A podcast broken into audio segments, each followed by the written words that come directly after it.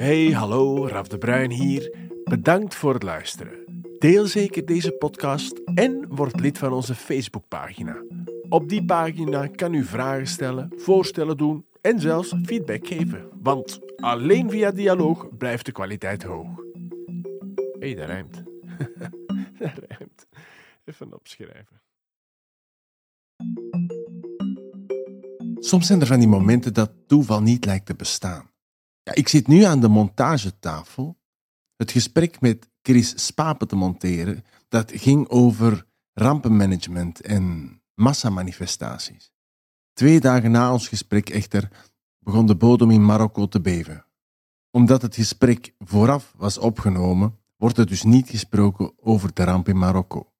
Maar we willen toch wel even zeggen, beste collega's, studenten van Marokkaanse origine, die ongetwijfeld slachtoffers kennen, we zijn in gedachten bij jullie jongens. Mijn naam is Raf de Bruin. Welkom bij Broadcast Nursing. Dit is een aflevering van Broadcast Nursing, het KDG. In deze aflevering spreken we met de Master of Disaster.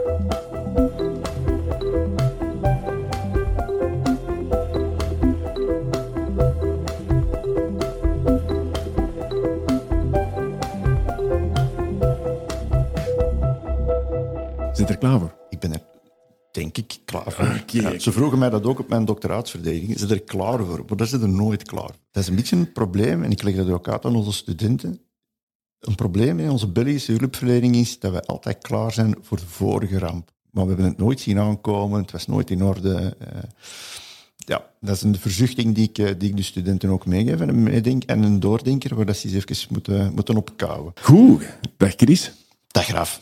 Ik wil eigenlijk de mensen laten zien dat verpleegkunde geen eindstation is. Het is niet dat je afgestudeerd bent als verpleegkundige, dat je dan ja, vastgebonden bent aan je afdeling. Is het nu in een woonzorgcentrum? Is het nu in de thuiszorg? Is het nu in een ziekenhuis?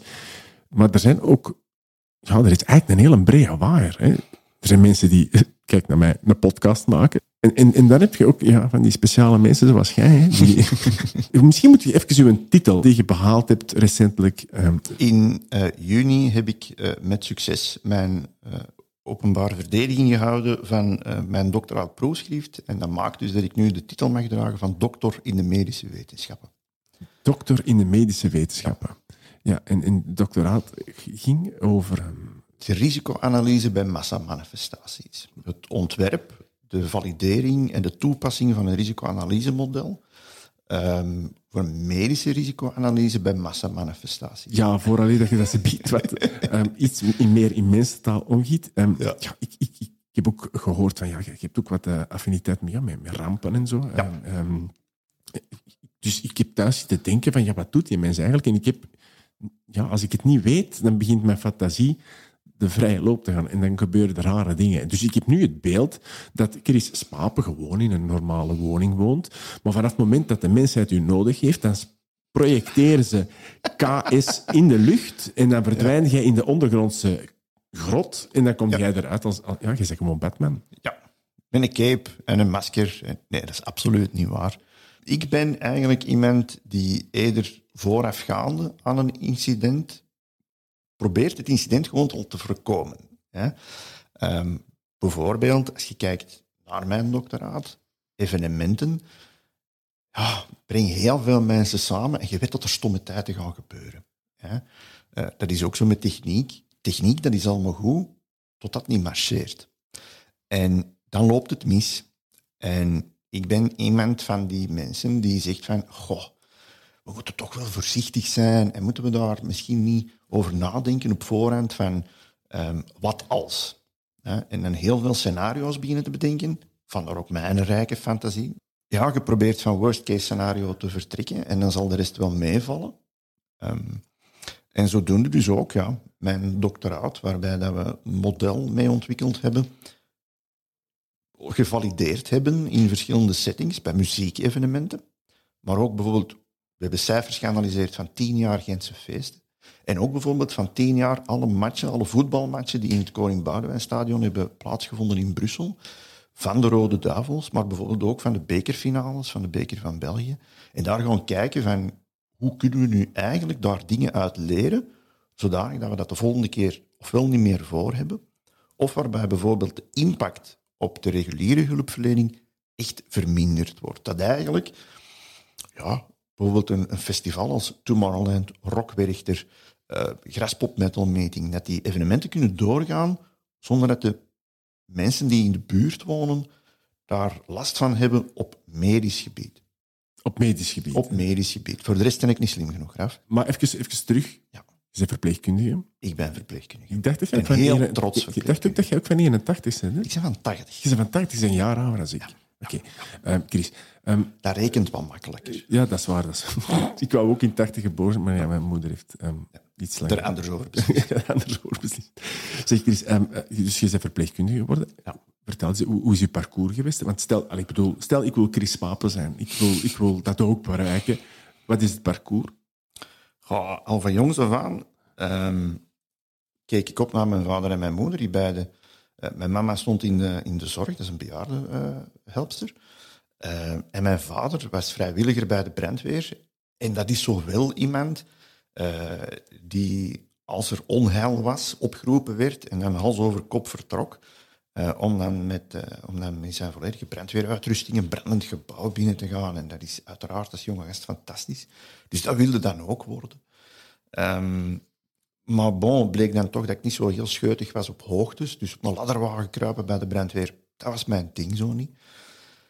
Bon, uh, wat dan wel? Geneeskunde, dat leek mij gewoon veel te lang en veel te saai. Dus zeven jaar naar de universiteit gaan, dat was het dan ook niet. Little did I know, maar goed.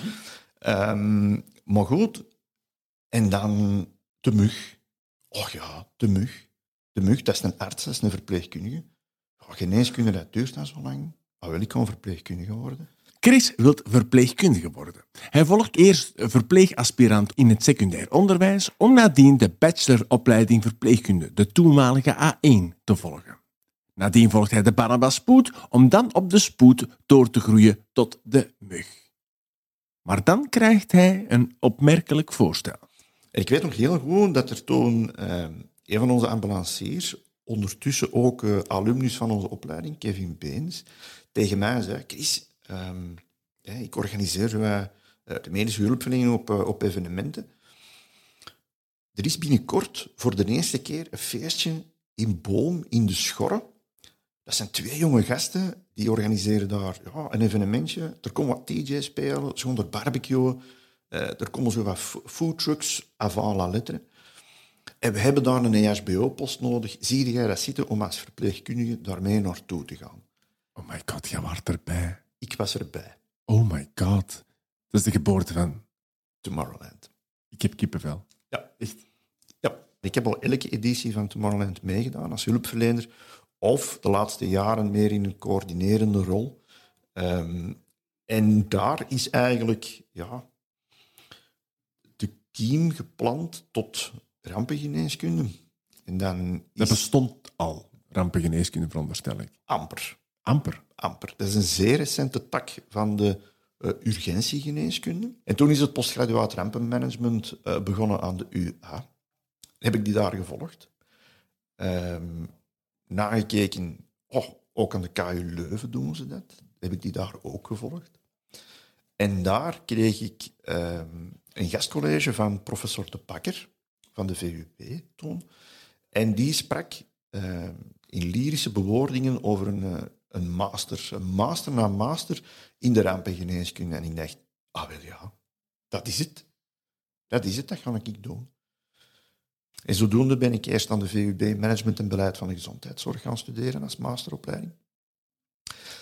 Daar een eerste contact gelegd met professor Hublou, die me dan ook sprak. Hij was ondertussen het, uh, een van de academisch verantwoordelijken voor de master- en masteropleiding. En dan centjes beginnen te sparen, want dat is een dure opleiding. En uh, op een zeker moment de keuze moeten maken, ofwel wordt er een nieuwe badkamer bij mij thuis geïnstalleerd, of ik ga de master naar master volgen. En uh, de nieuwe badkamer is ongeveer geïnstalleerd toen ik mijn diploma mocht gaan halen. Dus uh, diploma kwam dan op de eerste plaats. Um, en ik was toen een van de, de, de eerste verpleegkundigen in België die uh, de master na master had. Er waren twee mensen voor mij. Ondertussen zijn er een paar na mij gekomen. Zo ook collega Geert van de Weijer. En eigenlijk uit de thesis van die master na master, um, wat eigenlijk een eerste stuk was van nu mijn doctoraat, zei toen professor Hublou, Goh, Chris, we moeten daar toch iets mee doen. En ik zie daar wel een doctoraat in. En zodoende geschieden. En heb ik dus alsnog zeven jaar op de universiteit gezeten. Chris, ja. jij zei dat je geen geneeskunde wou doen, want dat ging te lang duren. Dat ging te lang duren. Hoeveel jaren heb jij gestudeerd? Wel, laten we zeggen dat voor de eerste keer sinds 1999 ik geen studentenkaart meer heb. You do the math. Laten we even misschien beginnen met dat rampenmanagement. Management. Um, kun je misschien eens eerst zeggen, wat is eigenlijk een ramp? Ja. Waar, ligt die grens? Ja, nu, eerst en vooral een ramp. Ik denk dat we in België nog gelukkig gespaard gebleven zijn van grote rampen. Misschien is mijn visie daar ietsjes op veranderd sinds dat ik, uh, sinds dat ik de master en master gedaan heb.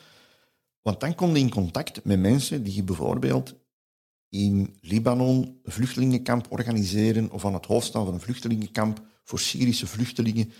En dan spreekt er niet over de opvang van een flatgebouw van 50 inwoners waar dat een brand is uitgebroken s'nachts.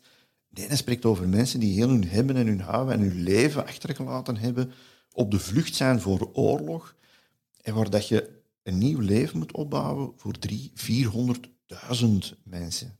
Dus daar, daar, is echt mijn, mijn, daar zijn mijn ogen echt open gegaan. Um, ik heb ook in de klas gezeten toen met een spoedarts uit Tripoli, uit Libië, waar toen een burgeroorlog bezig was. Um, en hij zei van, ik heb een probleem. Wat doe je als je als arts of als medicus geconfronteerd wordt en tussen de twee fronten zit? Want ik heb ervoor gekozen om mensen te helpen. Los van het feit of ze van het conventionele leger zijn of het zijn rebellen, zijn en blijven mensen.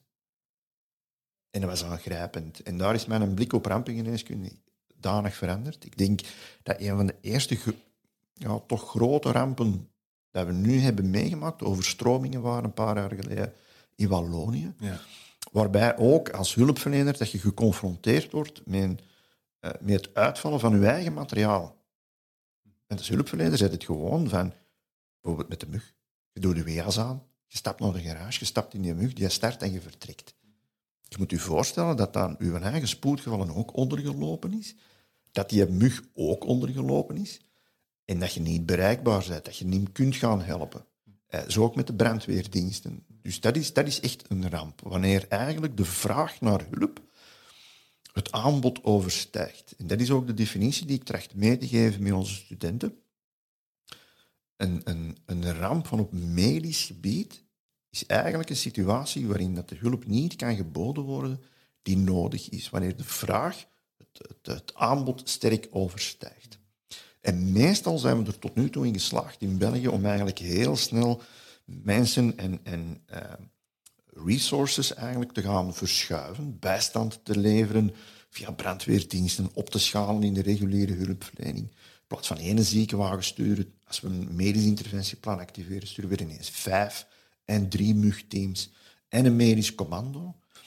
Um, en we zijn er tot nu toe altijd al goed in geslaagd om eigenlijk dat op redelijk korte termijn de, de aanbod van medische zorg, want ik moet dan puur spreken over medische zorg, om eigenlijk dat aanbod ja, vrij snel op te krikken.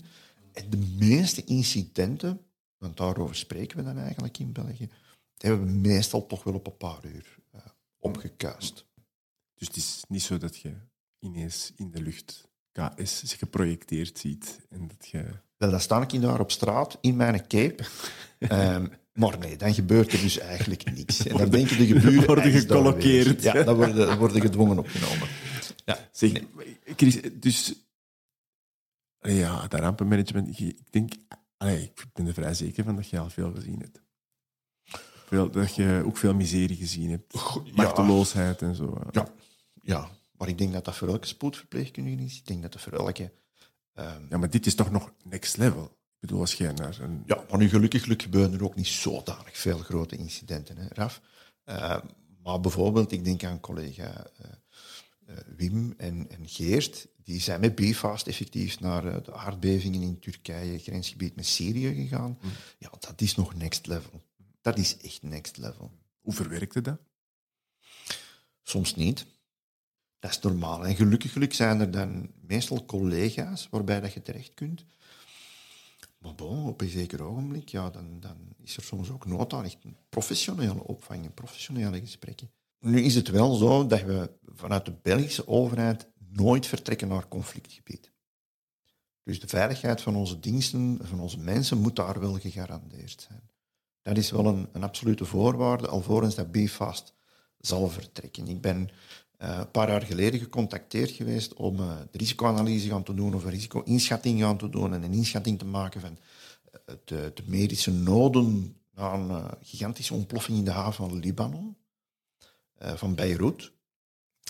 Um, Ken je mij die beelden nog? Ja. Dat was daar heel, heel die stad. Dus, dus, dus ineens een, een gigantische ontploffing. Je ziet echt ja. al die huizen omvergewaaid. Het was niet te geloven dat dat zo'n impact kon hebben. Klopt. Um, en eigenlijk toen dat we dat aan het regelen waren, kwam er ook ineens bericht vanuit de overheid van Chris, we gaan u niet sturen, want het wordt te onveilig. Er, er, uh, er zijn burgeropstanden.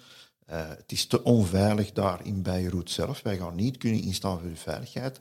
Uh, en voilà, ik ben nooit vertrokken. Hoe frustrerend is dat? God, niet. Oké. Niet, want dat is een van de, een van de belangrijkste of heilige principes, voor zover die bestaan binnen de dringende geneeskundige hulpverlening. Uw eh, eigen veiligheid gaat altijd voor. Zometeen in deel 2. Hoe garandeer je de veiligheid op een massa-evenement?